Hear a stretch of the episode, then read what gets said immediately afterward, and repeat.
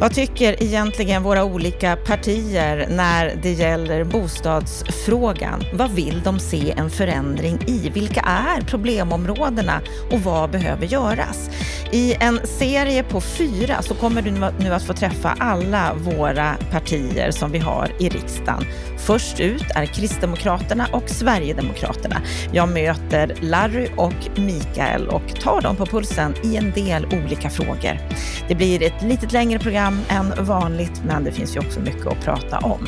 Och efter samtalet med Larry och Mikael, ja, då är det dags för en kommentar, en analys av Lennart Weiss.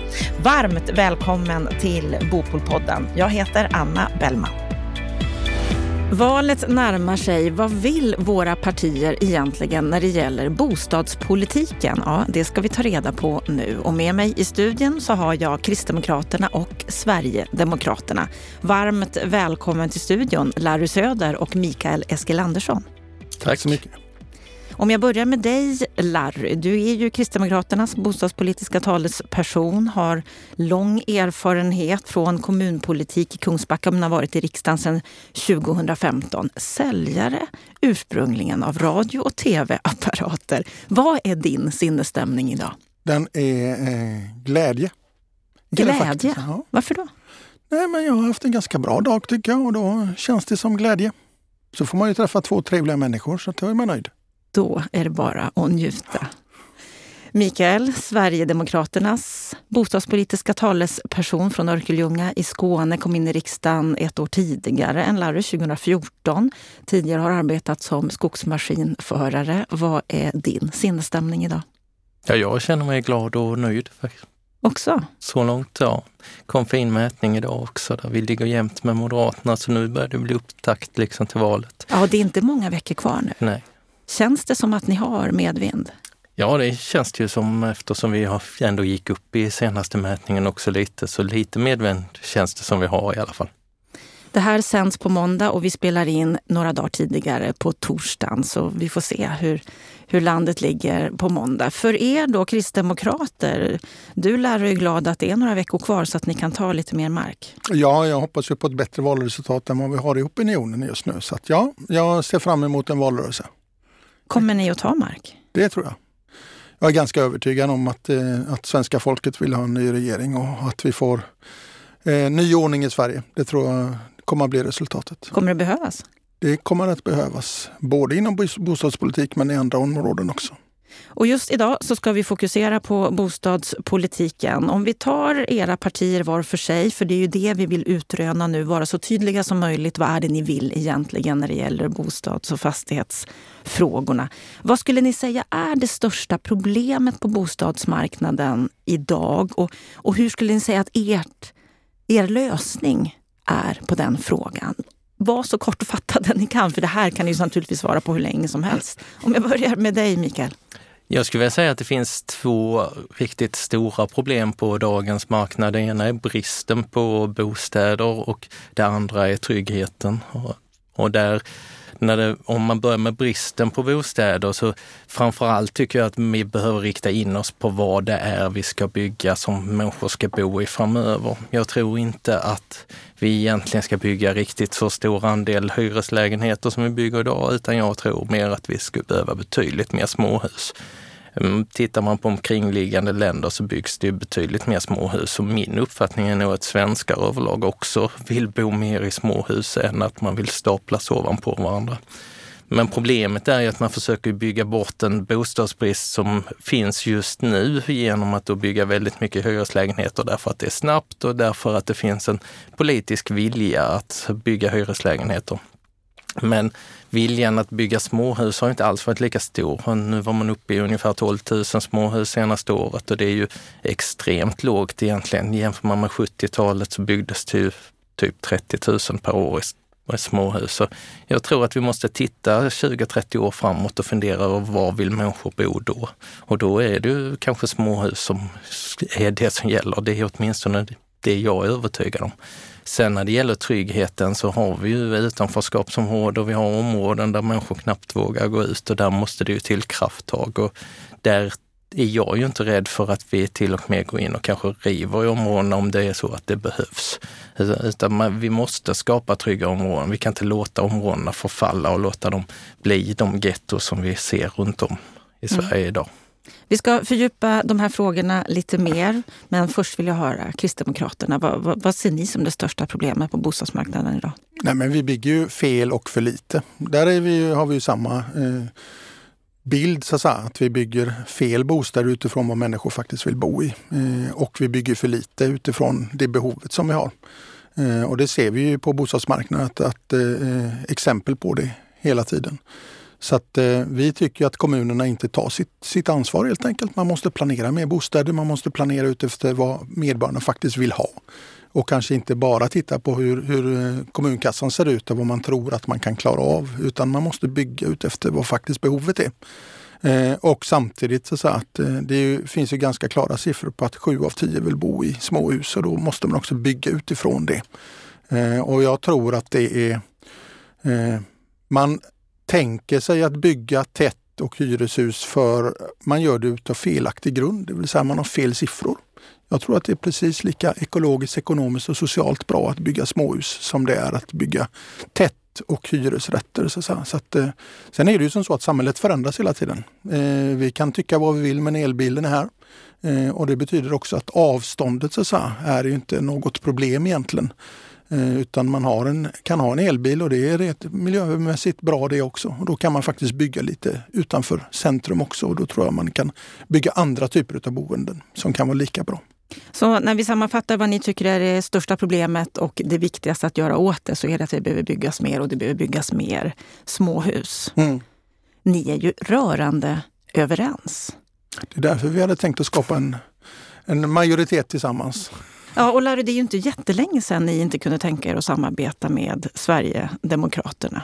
Nu är ni på samma sida. Vad, ja, vad har du för reflektion kring det? Ja, men jag tycker att samhället har utvecklats på det sättet att man ser problembilden på, på likartat sätt. Det vill säga att vi vi har ett problem att vi har en regering som inte kan se de problemen som en vanlig människa har. Det vill säga elpriserna ökar, livsmedelspriserna ökar. Man ser inte att man, kan, att man inte bygger bostäder utefter faktiskt vad människor vill ha. Eh, och jag tror att den sidan som, som jag representerar eh, har lösningar på det som är betydligt annorlunda än vad vänstersidan har. Så att, eh, så att regera tillsammans med Sverigedemokraterna? Det är... Som ett regeringsunderlag tror jag det är fullt möjligt och jag tror att eh, både Mikael och jag har, har diskuterat förut och vi klarar alldeles utmärkt att diskutera utan att eh, slå hål på varandra. Ja, du ler och till och med skrattar Mikael, ja. du håller med om det här? Ja, alltså det är klart att vi har ju haft våra diskussioner om olika sakpolitiska saker och det förekommer ju mycket diskussioner framöver också. Sen är vi väl inte hundra procent överens, men vi är ju till stora delar överens och vi ser ju samma problem och vi har ungefär samma lösningar. Sen om man går in och kollar på liksom exakt så eh, tror jag inte vi sagt lika om till exempel strandskyddet där vi pratar om ett strandskydd på 25 meter generellt och att kommunerna sen ska kunna förlänga det där det behövs. Idag är ju strandskyddet 100 meter. Eh, där har ju inte Kristdemokraterna riktigt samma, vad jag vill jag minnas, men även Kristdemokraterna har ju klagat på den, det förslag som kom och som vi fällde tidigare tillsammans. Är det strandskyddet som skiljer er åt eller har ni andra saker som, som skiljer?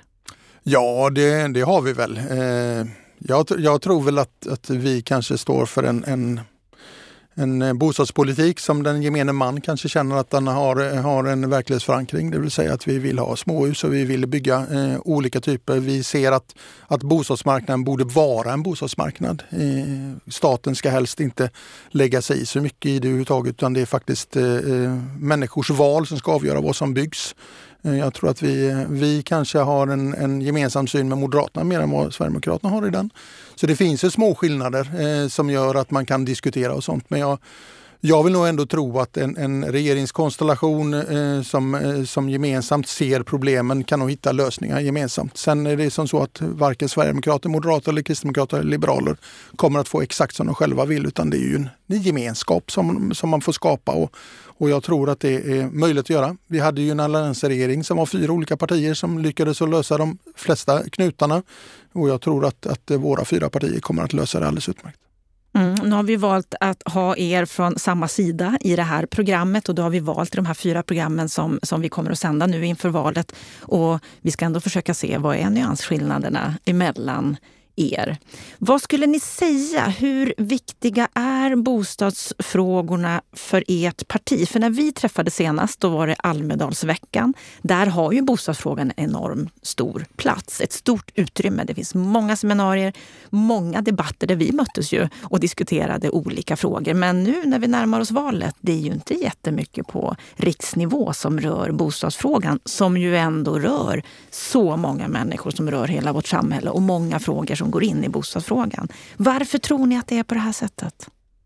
Ja, jag vill ju nog hävda att vi har en hel del på riksnivå. Vi kom ju nyligen med ett eh, program kring landsbygden. Jag såg att även Kristdemokraterna kom med ett landsbygdsprogram. Det som skiljer våra landsbygdsprogram är ju att vi tar upp problemet med att bygga på landsbygden i vårt landsbygdsprogram och trycker väldigt hårt på att vi måste revidera strandskydd och vi måste se över riksintressen för att göra det möjligt att bygga på fler ställen. Så jag tycker vi har lyft bostadsfrågan väldigt mycket i detta valet och ändå har den på riksnivå och trycker på från flera olika håll.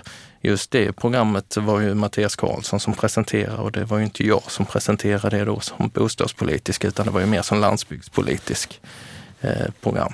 Där bostaden är en viktig del. Men är ja. det tillräckligt stor del menar du? Alltså vi har ju inte gått igenom valrörelsen ännu så det kommer ju mer.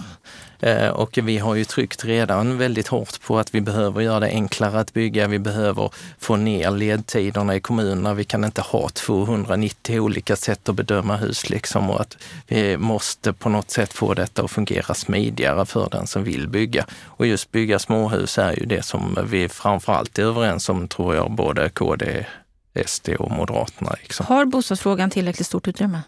Det är klart att den inte har. Eftersom vi har tillräckligt många människor som står utan bostad eller står utan den typen av bostad som de faktiskt vill ha. Alla eh, är ju som så att alla är inte bostadslösa utan man kanske bor hemma hos mamma och pappa eller man bor i en hyresrätt fast man vill bo i någonting annat eller, eller så. Eller man har en stor villa där man faktiskt inte kan bygga till ett eh, boende, trygghetsboende som man faktiskt behöver.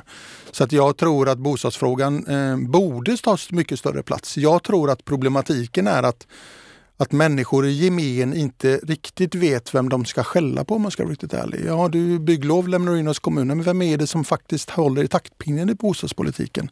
Och jag tror att det är mycket eh, problematiken, det är att, att, man, att vi inte får upp bostadsfrågan i, i, i valrörelsen beror på det. Och jag tycker väl att vi som riksdagspolitiker borde ta taktpinnen mer. Eh, Förlitar ni er för mycket på kommunerna? Skäller för mycket på kommunerna att de inte gör tillräckligt? Vi skäller för lite på kommunerna vill jag nog påstå eftersom det är de som har planmonopolet. Det är de som har eh, möjligheten att förändra. Så jag tycker vi ska både ha en piska och morot på kommunerna. Det vill säga vi måste ställa högre krav men vi måste, måste också kunna ge dem förutsättningar för att kunna klara av det uppdraget de har. Det gör de inte idag, det vill jag nog hävda. Vad borde kommunerna göra mer? Alltså framförallt så handlar det om att göra det enkelt och eh, korta sina ledtider och se till att de ligger långt fram med planeringen, att det finns eh, områden att bygga på, att det finns tomter. Min hemkommun håller just på att ta fram ett större område med tomter och jag vet att kommuner där vi styr, som till exempel Bjuv, har tagit fram ett stort område med tomter som man nu kommer att göra tillgängligt för människor att bygga på. Så det, det görs ju en del i kommunerna, men det borde givetvis göras mer för att göra det möjligt att bygga borde ni enkelt. som riksdagspolitiker göra mer? Och vi bör ju ligga på våra kommuner, att, eller på kommunpolitikerna. Och sen tycker jag ju att det finns övergripande saker vi kan ändra också och förenkla och vi kan kräva att kommunerna ska hantera bygglov på en viss tid. Vi kan inte tillåta att man drar ut på det hur långt som helst heller. Alltså, utan det borde finnas en maxtid på hur många timmar och hur mycket ett bygglov får lov att kosta och så här. Det borde vi definitivt trycka hårt på. Så vara lite mer kravställande mot kommunerna, se till att saker och ting går tillräckligt eller ännu snabbare än vad det gör idag. Vilka tydliga satsningar skulle ni vilja göra inom bostadssektorn som faktiskt kostar skattepengar? Men jag tror att eh, vi har ju framfört en planeringsbonus eh, där man hjälper kommunerna att planera och att vara eh, lite förberedd. Och kunna klara av när ett, när ett område kanske inte blir av. Att man har planer och, och eh, detaljplaner färdiga för annat område som kan byggas på. Så planeringsbonus tror vi. Vi tror också att det ska finnas pengar för att kunna göra trygghetsfrämjande åtgärder i de olika kommunerna, eh, kommundelarna för att människor ska känna sig trygga. Det är inte rimligt att en människa som bor i ett bostadsområde inte ska känna sig trygg i det området man är. Så det tycker vi också att man ska lägga pengarna på. Men sen är det ju, alltså, sen kan man alltid fundera på hur, hur mycket staten ska vi. Vi vill ju till exempel att man ska ha startlån. Vilket kommer att kosta staten givetvis en del pengar om, om det blir genomfört eh, så att de förstagångsköparna får möjlighet att, eh, att köpa en första bostad och, och, och sådana saker. Så att jag, eh, jag tror att staten måste lägga pengarna på rätt sätt. Fel sätt är att lägga dem på, på bostadsföretagen. Rätt sätt är att lägga dem på medborgaren och låta den välja vad den vill ha för någonting. Så mer pengar till startlån. Mm. Vad mer? Planeringsbonus och en trygghetsfrämjande åtgärder på en halv miljard ungefär har vi lagt i vår budget. Vad säger ni på Sverigedemokraterna att man borde lägga pengarna på från en ja. riksnivå? Alltså startlån, där är vi ju rörande överens. Det är ju en sak som vi också går fram med. Eh, sen eh, tycker vi ju eh, att man ska satsa väldigt mycket på trygghet, och, men det är ju mycket satsningar som ligger utanför det som traditionellt är bostad. En hel del av det hamnar ju på polisen och det hamnar på, på rättsväsendet snarare än det hamnar på liksom bostadspolitiska satsningar. Eh, sen vill vi ju ha en nationell plan för att hur man ska göra områden trygga. Och det blir ju en satsning som vi gör. Sen eh, den här andra delen som Kristdemokraterna ville, var, sa vi nu, den, eh, den här planeringshjälpen, eh, 350 miljoner, det innebär 350 000 från hemkommun som Örkelljunga. Jag vet inte riktigt vad vi ska göra med 350 000. Vi klarar det utan de pengarna känner jag, men det där är någonting som vi väl får diskutera framöver. Om vi tittar på en undersökning som gjordes här på försommaren så var det Hyresgästföreningen som gjorde en stor kartläggning över vad de olika partierna står i olika bostadsfrågor. Och läser man den rapporten och tittar på era två partier så är skillnaden mellan era partier störst när det kommer till frågan om marknadshyror kontra då bruksvärdessystemet. Där Sverigedemokraterna hamnar längst ut på skalan där man stödjer bruksvärdessystemet tillsammans med MP, S och V medan KD ligger näst längst ut på marknadshyressidan. Det är tillsammans då med, med Liberalerna och Centern och det är Moderaterna som ligger ännu längre ut på marknadshyressidan. Hur, hur ser ni på mer marknadsanpassade hyror? Ja, för min del är det ganska tydligt. Vi vill inte ha marknadshyror, vi vill ha bruksvärdesprincipen. Vi tycker den har fungerat bra. Vi tycker att den kommer att kunna fortsätta fungera bra. Sen är det givetvis så att eftersom vi nu har en stor andel eh, lägenheter som behöver renoveras så kommer de och renoveras till en högre standard och då får man ju en viss hyreshöjning genom att man höjer standarden. Men just själva renoveringen är ju någonting som ska ingå i den normala hyran.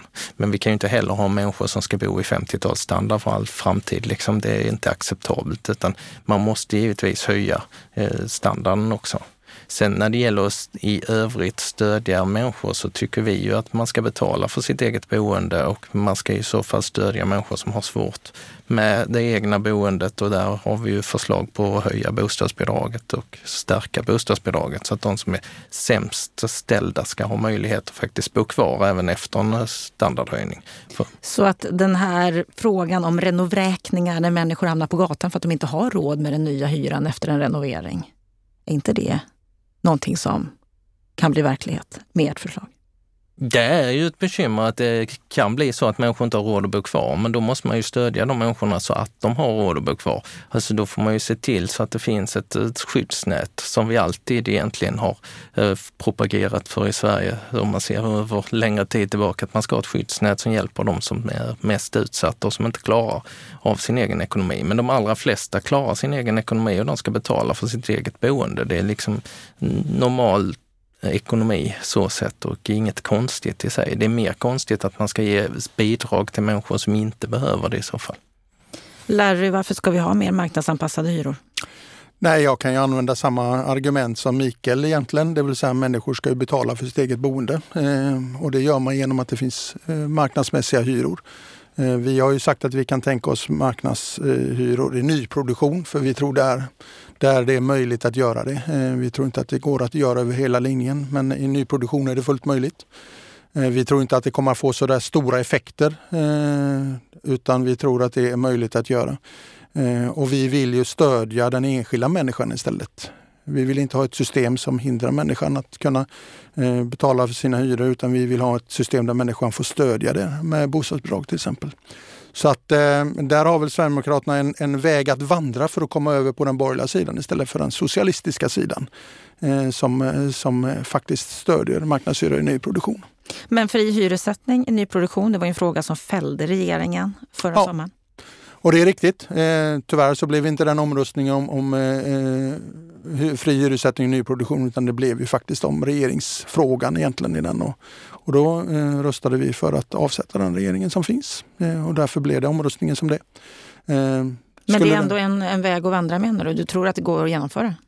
Jag tror, eh, ja det tror jag, att det går eh, i eh, fri hyressättning i nyproduktion tror jag är fullt möjligt. Jag tror dock inte att det får så stora effekter i form av jättemånga nya producerade hyreslägenheter och sådant. Men, men jag tror att det är den vägen vi måste gå om vi vill ha ett, ett system som fungerar överlag. Så är det. Ni har båda varit inne på vikten av att förenkla byggandet så att det går att bygga mer och då är ni båda inne på det här med småhus som vi inledde det här samtalet med. Och Mikael, du sa i en intervju här innan sommaren att eh, vi behöver fortfarande reformera så att det går att bygga på fler ställen än idag. Det är också mycket administrativt krångel som behöver förenklas. Vad tänker du på då? Ja, med administrativt krångel som behöver förenklas så är det just byggloven och tillsammans med byggloven så är det ju en massa annat. Det är startlov och det är slutbesittningar och det är liksom en hel uppsjö med saker som gäller när man bygger ett nytt hus. Och det behöver förenklas, det behöver snabbas upp och det är inte rimligt att man väntar på bygglov i några längre tider utan det ska liksom gå ganska snabbt. Har man en vanlig villa som man vill bygga så ska man liksom få ett bygglov på väldigt kort tid tycker jag. Det är framförallt det som eh, jag menar med att eh, det behöver förenklas. Sen när det gäller att det ska gå att bygga på fler platser, då är det ju det här med ehm, strandskyddet och riksintressena som vi behöver se över. Strandskyddet för att vi har, idag har strandskydd inte bara kring våra större vattendrag och stränderna och sjöarna, utan vi har det kring alla vattendrag oavsett storlek och alla dammar och liknande, även sådana som vi, man anlagt själv. Så den som har grävt en egen damm på sin mark har helt plötsligt ett strandskydd som den måste ta aktning till när den vill bygga en stuga bredvid den damm som de precis själva byggt. Alltså det är egentligen helt horribelt. Så så strandskyddet behöver verkligen ses över. Och vi menar ju då på att man behöver också kunna ställa någon till svars när det gäller strandskyddet. Idag ligger det på Länsstyrelsen och där finns ju tjänstemän där bara och egentligen inte några politiker att ställa till svars. Därför skulle vi vilja lägga ett generellt strandskydd på 25 meter och sen därutöver så får kommunen fatta beslut om längre strandskydd. Finns det kommunpolitiker att ställa till svars om man tycker att strandskyddet är för långt eller för kort på en viss ställe inom kommunen? Så om det skulle gå att genomföra det du berättar här nu med ett eh, kortare strandskydd, med mer av regelförenkling och så vidare. Hur mycket fler hus skulle vi kunna bygga? Vad skulle det få för effekter? Alltså minskar vi det till 25 meter så är det ju enorma mängder mark som man skulle kunna bygga på i Sverige och det skulle utan vidare gå att bygga de 400 000 bostäder som sägs saknas idag. Sen är ju frågan om det saknas 400 000, det kan man ju också fundera över men, men det är ju det, den siffra som har eh, i alla fall presenterats. Och ni på KD, ni är också inne på detta att ni vill förenkla, göra regelförenklingar. Vad vill ni konkret göra när det gäller det?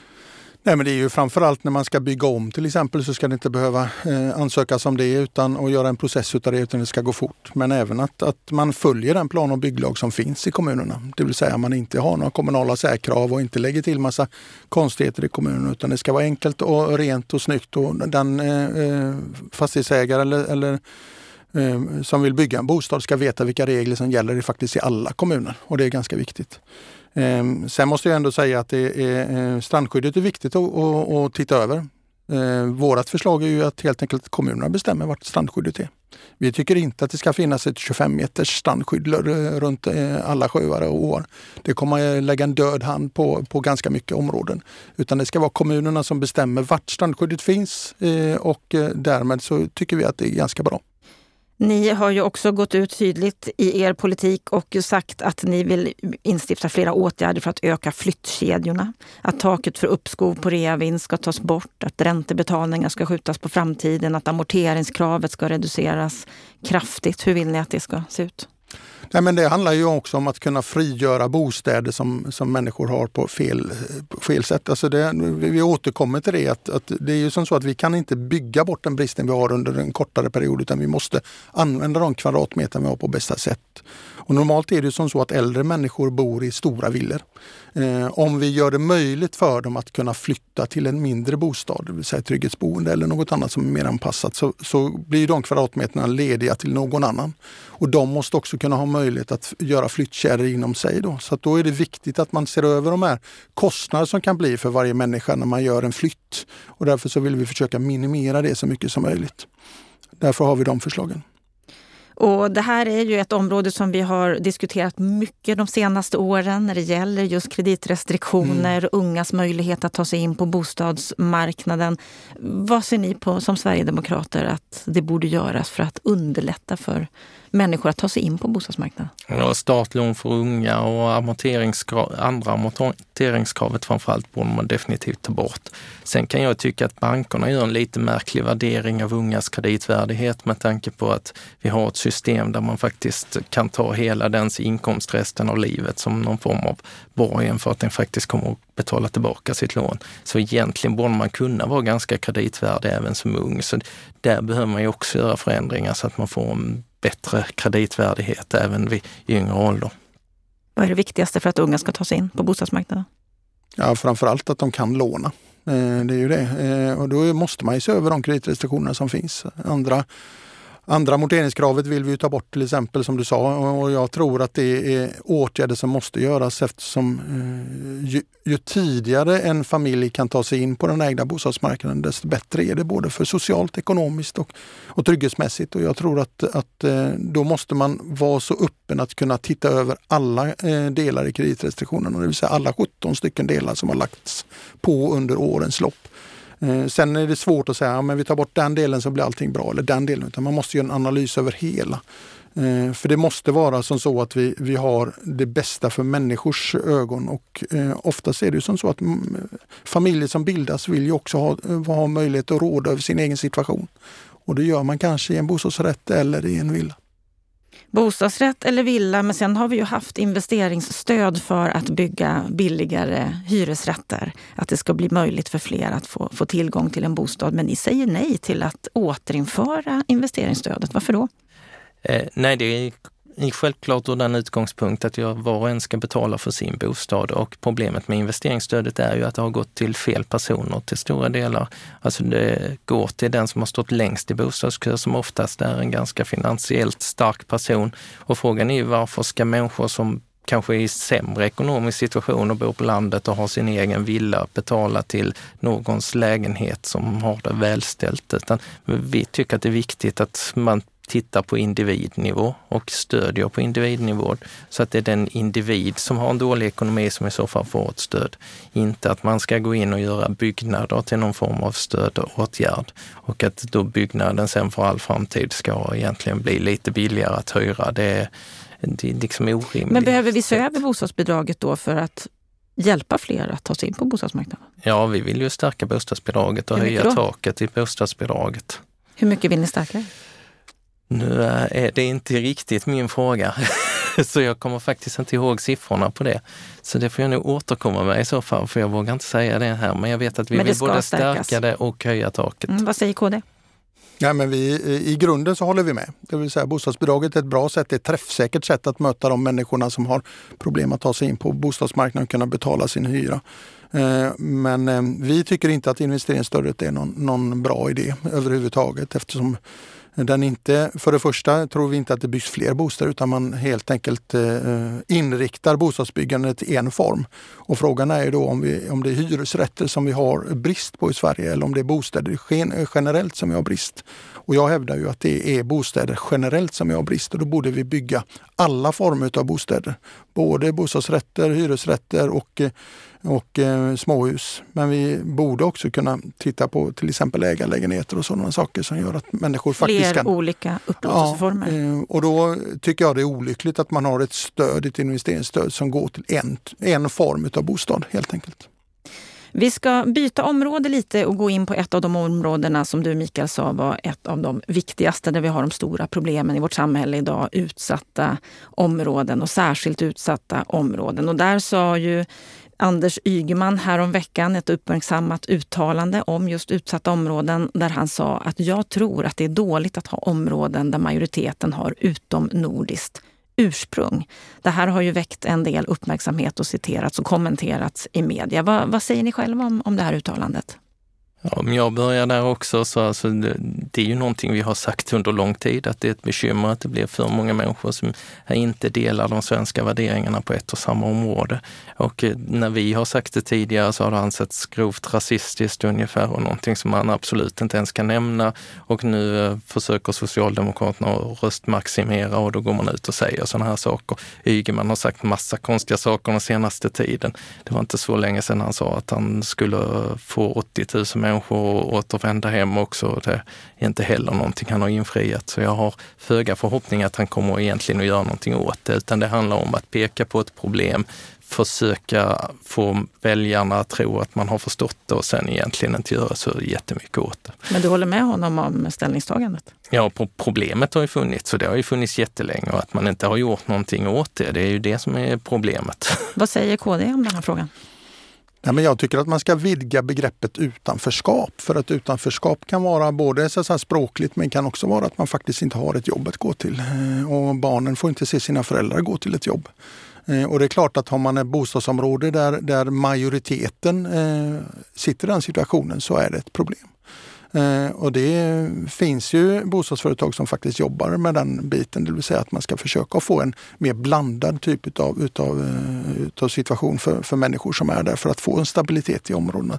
Så att på den grunden så kan jag tycka att det är alldeles rätt. Eh, men jag vill nog vidga begreppet till utanförskap när det gäller både socialt men också så att jobbmässigt, att man inte har ett jobb att gå till. Så, så du vill inte säga att problemet är att det är för många personer som inte har ett svenskt ursprung? Jag tycker att det, problemet är att personerna som bor där har ett utanförskap från det svenska samhället. Sen kan det bero på olika saker menar jag. Eh, och vi ska inte underskatta att det finns, att det finns problem i de områdena. Så, och jag tror att man måste göra någonting åt det. Sen om det är eh, tror jag inte att det är bästa sättet att göra det på som Ygeman vill, det vill säga att man ska flytta människor och bussa människor fram och tillbaka. De ska bo i olika områden. Det är fullständigt vansinnigt. Men, men jag tror att man måste uppmärksamma det och göra, göra eh, problematiken känd och försöka hitta lösningar på det. Det tror jag nog. Du nämnde här inledningsvis Mikael att eh, du menar att det är polisen som behöver stärkas. Vi behöver titta på skolan för att öka tryggheten i, i de här utsatta områdena. Men vad kan bostadspolitiken göra? Vad kan fastighetsägarna göra för att öka tryggheten? Ja, alltså fastighetsägarna har ju mycket mer de kan göra egentligen. Sen är det ju tråkigt att vi behöver lägga över på fastighetsägarna att lösa problem som egentligen politiker har skapat. Men det, det, är självklart där man måste börja, för man kan inte börja med skolan. Man måste börja med det trygga hemmet faktiskt. För har man inte ett tryggt hem så kommer man inte prestera i någon skola Och hur heller. ser det trygga hemmet ut? Hur ska det skapas från politiskt håll?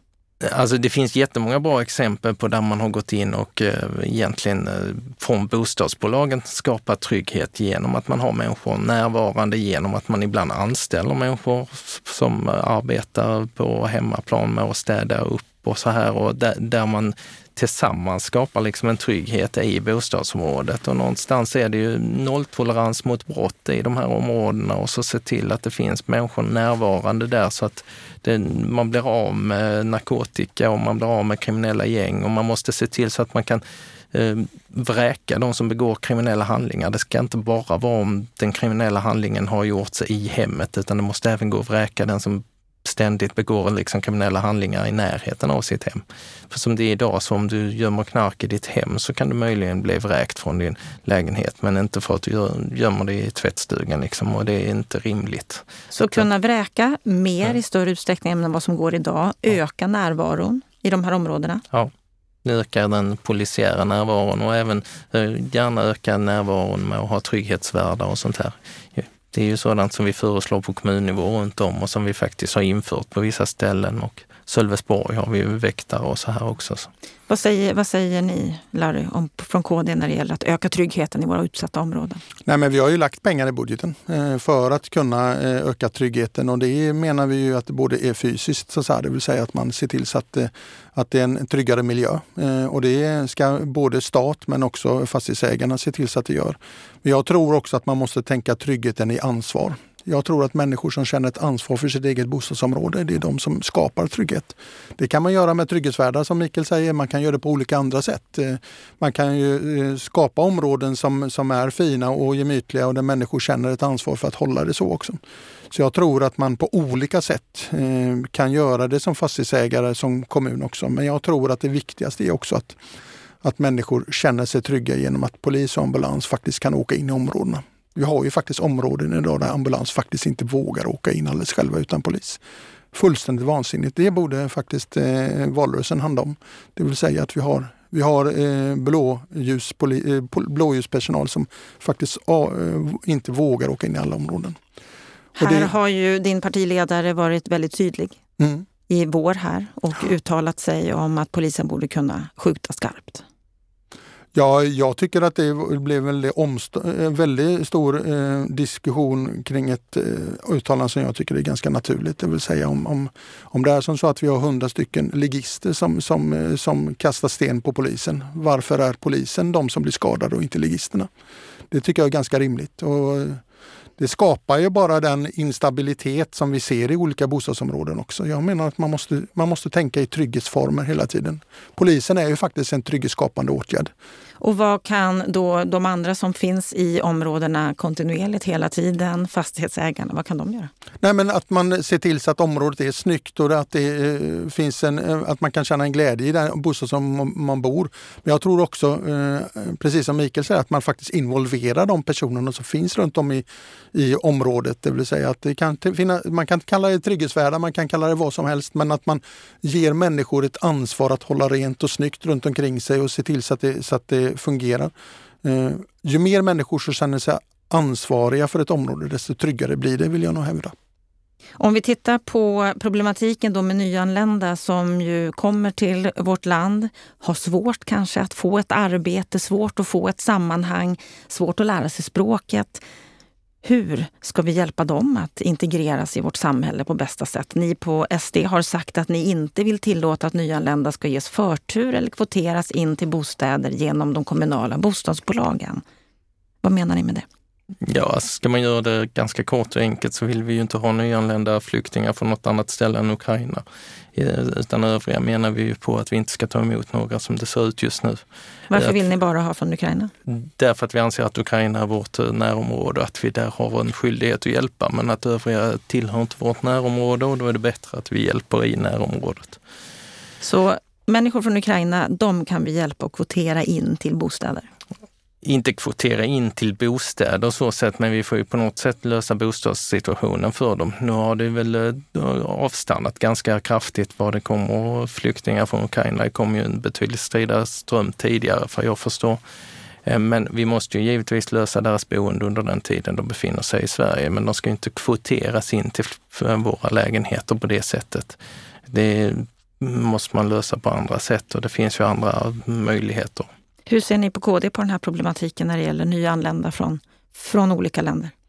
Nej, men alla som, som vistas i Sverige och som har tillåtelse att vistas i Sverige måste ha en bostad. Eh, och det är kommunernas ansvar att lösa det. Eh, så det är klart att eh, det hamnar ju i kommunernas knä. Samtidigt är det ju som så att man ska inte ställa olika grupper mot varandra. Det finns ju faktiskt svenska Eh, som har problematik att få eh, bostäder också. Och jag menar eh, det är ju det här som är själva problematiken i bostadspolitiken. Man kan inte bara göra det som man man ser framför hand, för hand direkt så säga, utan man måste också försöka tänka långsiktigt och då, då måste det vara mer bostäder.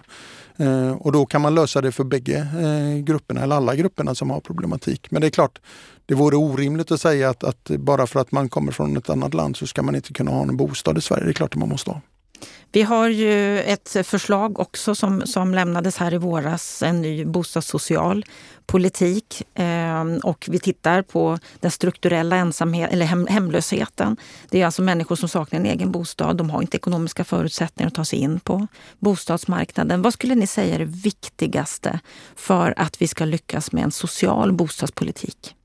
Bygga mer. Nej, men det, det, är ju faktiskt lösningen på de allra flesta och det är därför jag blir så frustrerad hela tiden när, när man lägger allting i kommunernas knä men vi, vi riksdagsledamöter och, ri, eh, och riksdag fattar aldrig beslut om, om mål på bostadsbyggande. Utan vi lägger det i 290 stycken kommuners knä. Eh, och den strukturella hemlösheten har ju fått en ny don. Det är inte bara alkisen som sitter på, på bänken utan det är faktiskt vanliga familjer som inte har råd att betala sin bostad eh, som inte får ett kontrakt för att de inte kan betala sin bostad. Och jag menar att, att eh, enklaste sättet att lösa den problematiken är givetvis att vi bygger tillräckligt med bostäder. Eh, och det är, är, faktiskt kommunerna som har det ansvaret men vi riksdagspolitiker måste ta ett ansvar att sätta upp mål, eh, hur många bostäder som är och göra aktiviteter utifrån det. Ehm, det finns, ingen annan, det finns inga genvägar till det där. Vi kan, vi kan givetvis tänka, tänka många olika delar men det är faktiskt antalet bostäder som avgör. Vad säger du Mikael? Ja, alltså antalet sociala kontrakt som finns är också väldigt viktigt. Det är ju oftast en brist på sociala kontrakt. Och en, en, del av anledningen till bristen på sociala kontrakt är ju att vi har haft ett stort flyktingmottagande där vi har fyllt upp alla sociala kontrakt. Så att det finns inte sociala kontrakt över egentligen till några ytterligare människor. Så det, det, det är bekymret i grunden och då behöver man bygga mer. Vi närmar oss slutet av det här samtalet. Vi skulle kunna hålla på hur länge som helst. Det finns många frågor att beröra. Men om ni ska få göra er säljpitch här nu. Varför ska man rösta på er i valet när det gäller just bostadsfrågan som är så viktig? Om jag börjar med dig Larry. Nej, men om man vill bygga mer bostäder och blandade former av bostäder och fler småhus i Sverige eh, och underlätta för människor att faktiskt kunna få sin egen bostad, då ska man rösta på Kristdemokraterna. Man ska rösta på Sverigedemokraterna för att då får man fler bostäder, man får fler småhus och man får det enklare att bygga framförallt. Vem vill ni se som bostadsminister efter valet? Det är väl så att det är klart att man som bostadspolitisk talesperson vill bli bostadsminister. Så vad är det första du då kommer att göra, Mikael, om du blir bostadsminister?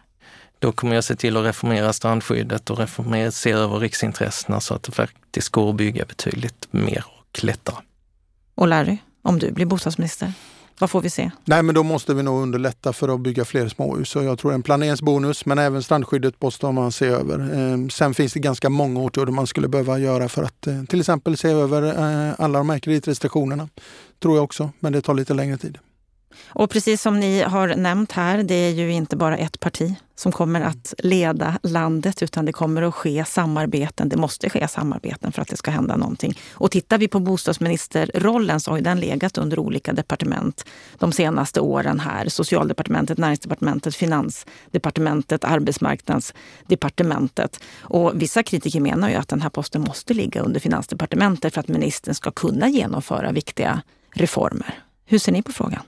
Det är klart att det är bäst att ligga så nära makten som möjligt och finansministern har ju ganska stor makt. Sen tror jag också är väldigt viktigt att man har en renodlad bostadsminister som faktiskt tar sig ansvaret och, och diskuterar bostadspolitiken. Och inte att man har en portfölj som är jättestor och bostadspolitiken är en liten del utav det, vilket det har varit de senaste åtta åren. Eh, Stefan Attefall var ju bostadsminister och eh, tycker jag visar att, att det är så man måste hantera det. Det vill säga vi har en bostadsminister. Jag tycker det är viktigt att det är en bostadsminister som inte har väldigt mycket annat, för det har vi ju sett att det inte fungerar särskilt bra eh, den senaste tiden. Sen är det klart att den ska ligga så nära makten som möjligt och tyvärr är ju mycket av bostadsproblematiken egentligen mer eh, kopplat till finanspolitiken och vad, finans, vad man gör på finansområdet. Vi får se vad som sker om några veckor. Då har vi svaret. Så jag önskar er lycka till i den här slutspurten i valrörelsen och tack för att ni kom till Bopolpodden. Tack så mycket.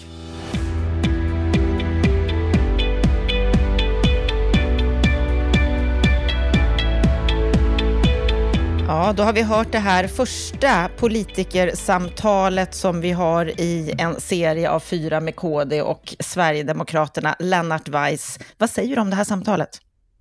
Det börjar närma sig val, Anna. Det jag hör att temperaturen stiger. Jajamän. Ja, kul att höra på det här.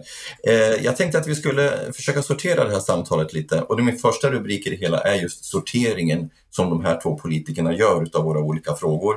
Den, nästa, den andra frågan jag tror man undrar, funderar lite på, vad är det för skillnad mellan SD och KD och hur skulle de kunna regera ihop? Och den tredje saken är, vilken skillnad skulle SD och KDs recept ge för bostadspolitiken om det skulle bli maktskifte efter valet? Vad tror du om en sån sortering, Anna? Mycket bra sortering. Men du gillade samtalet, låter det som.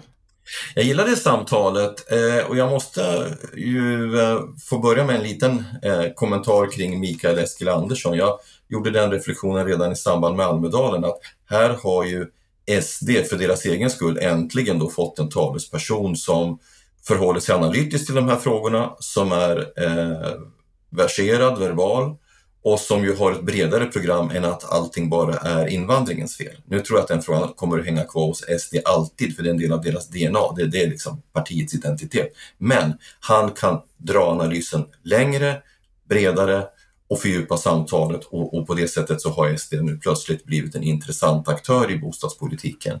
Och det är de bara att gratulera. Sen, sen, så en blivande lite... bostadsminister om de går så bra som mätningarna nu säger?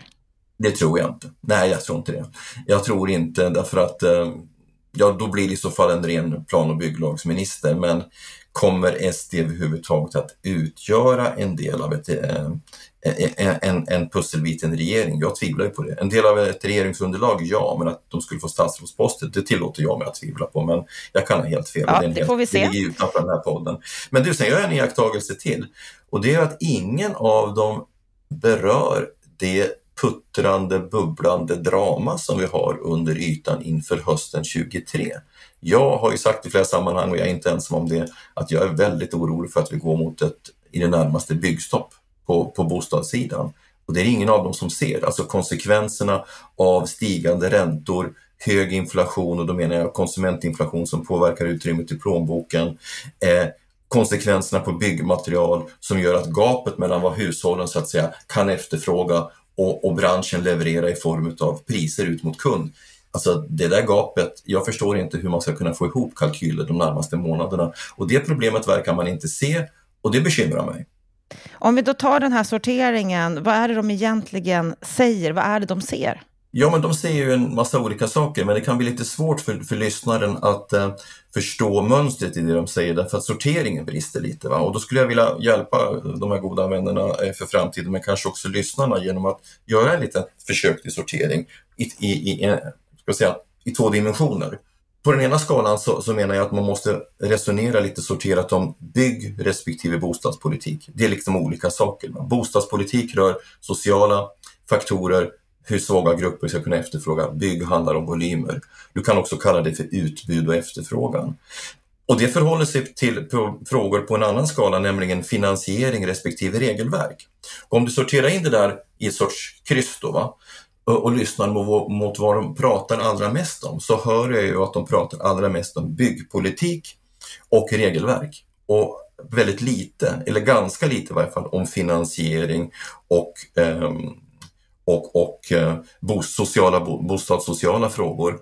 Och det är inte svart eller vitt, men det finns en slagsida åt det hållet. Och då skulle jag säga att det är ett litet problem därför att även om jag håller med om att vi har stora utbudsrelaterade problem, jag håller med om analysen kring, kring långa tillståndsprocesser, strandskydd som, som ter sig rent absurt i många avseenden och så vidare, kommunernas bristande intresse i många fall, eh, får jag väl säga, i, i de flesta fall faktiskt borgerliga kommuner. Så är vi liksom lite tillbaka i en debatt vi hade för tio år sedan, där utbudet var det stora problemet. Ja, jag håller med om att det är ett helt väsentligt problem, men man måste också förhålla sig till efterfrågan. För finns det en möjlighet för, för, för resurssvaga hushåll att efterfråga och, och, och, och resurssvaga hushåll är i många kategorier idag, då får politiken ett tryck underifrån på efterfrågesidan som branschen reagerar på och då måste politikerna också reagera på det. Så där skulle jag nog efterlysa en större tydlighet och klarhet om vad man vill. Men jag välkomnar ändå att till exempel KD så tydligt lyfter frågan om kreditrestriktioner. Det är välkommet. Och jag hör också att, eh, att SD börjar se den typen av problemställning och, och också så att säga förordar en översyn av konsekvenserna utav genomförda kreditrestriktioner. Så det är bra. Men sorteringen är lite otydlig och det finns en slagsida åt byggpolitik respektive regelverk som jag tror är olycklig. Och om vi då tittar på det de säger och det de ser, vad är det egentligen som skiljer de här två partierna åt?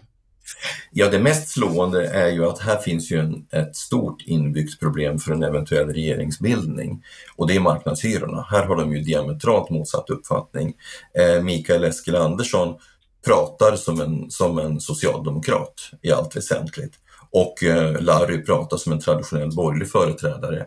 Men Larry eh, och Larry, men Larry pratar ju inte om frågan med en större övertygelse heller utan han talar ju om det som att man skulle testa det här först i nyproduktionen. Ja, Larry vet, det, det är en väldigt eh, väl påläst person. Han vet ju att vi i princip har hyror eh, på eller väldigt nära marknadsnivån i nyproduktionen idag. Och problemet är ju att det finns inte särskilt stor efterfrågan på nya hyresrätter till hyror på marknadsnivå. Folk kan inte efterfråga dem, utan det de istället då kan efterfråga, det är de billigaste bostäderna i det ägda beståndet och då måste man ju skapa en riktad politik för det. Så bakom alla de här maningarna om fler småhus, för övrigt en ståndpunkt som jag delar och som jag stödjer till fullo, så ska det kunna bli fler småhus. Då måste ju hushåll med vanliga inkomster, till och med rätt svaga inkomster, kunna efterfråga de småhusen. Och det är i allt väsentligt inte en fråga om att de har för låga inkomster, för det finns småhus utav olika kvalitet, storlek och prisbild och det finns mark i olika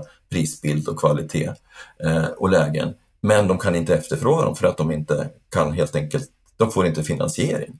Så att det är ju liksom fortfarande kärnproblemet som man då inte förhåller sig till. Så vad är skillnaden? Ja, det rör framförallt marknadshyror eh, och det rör kanske betoningen utav olika saker. Jag menar, du hör ju att eh, Mikael Eskilandersson talar ju med ännu större eftertryck eh, om, om strandskyddet än Larry, även om de har en överlappande syn på det här. Så att eh, det skiljer inte jättemycket i, de här, eh, i den här breda bilden som jag berörde inledningsvis, bygg eller bostadspolitik, finansiering eller regelverk. Men det finns en, så att säga, öm punkt här som skulle kunna bli ett stort strategiskt problem för dem om de inte helt enkelt bestämmer sig för att begrava den. Och då betyder det att eh, borgerligheten begraver frågan om marknadshyror en mandatperiod till. Och jag tror faktiskt att det lutar åt det. Och när det gäller tryggheten i våra områden, ett område som vi pratade en del om, vad säger du där? Ja, hmm, ja, alltså där märker man ju att KD har rört sig. De talade inte jättemycket om det som jag hörde i varje fall för, för något år sedan. Där talar man om utanförskapet och Larry gör ju, tycker jag, en väldigt intressant och bra markering, nämligen att utanförskapet börjar med att du inte har ett jobb. Du, du liksom blir fast i ditt bostadsområde när de andra går till jobbet och det är ett problem. Och eh, det är bra att han lyfter fram det som en trygghetsfråga, för så är det. Därför att har du ett jobb, får en inkomst, då kan din sociala och ekonomiska klassresa börja. Och då kan man säga att de kommer de här bostadsområdena att, att förändras på lång sikt ändå, i varje fall över en generation. Det vill säga du får en gentrifiering, du får förhoppningsvis en, en viss bostadsrättsomvandling, en omstrukturering utav dem. Så att eh, man kan väl säga att de säger, utifrån mitt perspektiv, inget jättekontroversiellt. Språkfrågan är ju inte jättekontroversiell idag heller. Det handlar väl mer om, om vidden utav den och, och tempot i den. Så att man är väl Men de säger inget jättekonkret heller? Nej, det gör de ju inte, utan eh, jag skulle vilja efterlysa en, en högre grad utav tydlighet där. Jag menar, Mikael eh, säger att man ska inte utesluta att vissa hus ska rivas. Ja, då skulle jag säga därför att de är tekniskt utdaterade och uttjänta i vissa fall. Men framförallt så skulle man ju behöva ändra strukturen i de här områdena. Jag menar utanförskapsområden är idag hyreshusområden med ofta bara en eller ett fåtal fastighetsägare. Det är den strukturen som behöver förändras och sen behöver man liksom börja jobba enligt Gårdstensmodellen. Jag hör nog att Mikael Eskilandersson trevar i den riktningen. Plus att vi behöver ha sådana här BIDs, alltså Business Improvement Districts, va? där mm. näringsliv och fastighetsägarna går samman. Och det, det kunde de peka på mera. När det då gäller deras politik, det de vill genomföra, vad skulle effekterna bli om det blir den här politiken? Jag satt ju och grunnade på det också va? och jag är osäker. Jag tror nog att det skulle bli ett kanske större och något radikalare fokus kring, kring eh, regelverksfrågorna och det vore välkommet. Det låter ju som att de är väldigt överens om att det måste göras någonting kring riksintressena, strandskyddet och tillståndsprocesserna rent allmänt. Det låter ju så. Och det låter också som att vi skulle, istället för att få en betoning på att bygga fler hyresrätter med investeringsstöd, så skulle vi få någon typ av styrande åtgärder för att bygga mer småhus. Men, men då måste man ju fundera igenom det här från i så fall centralpolitiskt håll. det de ju säger idag är att kommunerna ska prioritera eh, den typen av byggande. håller jag med om. Det finns ett ideologiskt, politiskt, principiellt motstånd hos många kommuner att helt enkelt planlägga mark för småhus. Men det behövs också någon typ av stöttning, som jag redan har nämnt då, på nationell nivå, så att de, de hushåll som faktiskt behöver den typen av boende, och då pratar vi i realiteten om, om familjebildare, om, om, om småbarnsfamiljer. Och de har en ekonomiskt pressad situation, framförallt har de väldigt sällan ett eget sparande. Så då måste man kunna stötta de hushållen. Jag tror inte att det kommer att räcka med startlån även om det är ett viktigt steg på vägen. Det kommer behövas fler åtgärder. Jag hör att de talar om det, men de gör det vagt och det beror ju på att det finns en spänning i de här frågorna, ofta mot deras egna ekonomisk-politiska talespersoner. Det gäller för, för, för all del inte inom KD. Hur det förhåller sig inom SD vet jag inte, det hördes inte heller. Men då måste man ta i de frågorna. Så vi är tillbaka till där vi började. Du måste prata utbud och efterfrågan, eh, det vill säga bygg och bostadspolitik. Och du måste därmed också prata om finansiering, inte bara regelverk. Så att de behöver helt enkelt skärpa sitt sätt att tänka kring verktygslådan, men inriktningen kan man i varje fall se på de punkterna och att man skulle också lägga fokus på utanförskapsområdena och trygghetsfrågorna, det tror jag också man skulle kunna se. Där skulle man nog se, få se en, en ny typ av åtgärder, eller i varje fall skarpare åtgärder. Det, det tror jag man skulle kunna förvänta sig. Då har vi hört och begrundat det första politikersamtalet av fyra. Vi på Bopolpodden, vi är igång igen efter sommaren och vi är på gång också med veckans Aktuellt. På fredag, då är det dags igen. Då är vi tillbaka med våran koll på vad som händer inom bostads och fastighetspolitiken. Det senaste som har hänt under veckan. Så vi hörs på fredag. Till dess, ha en riktigt fin vecka.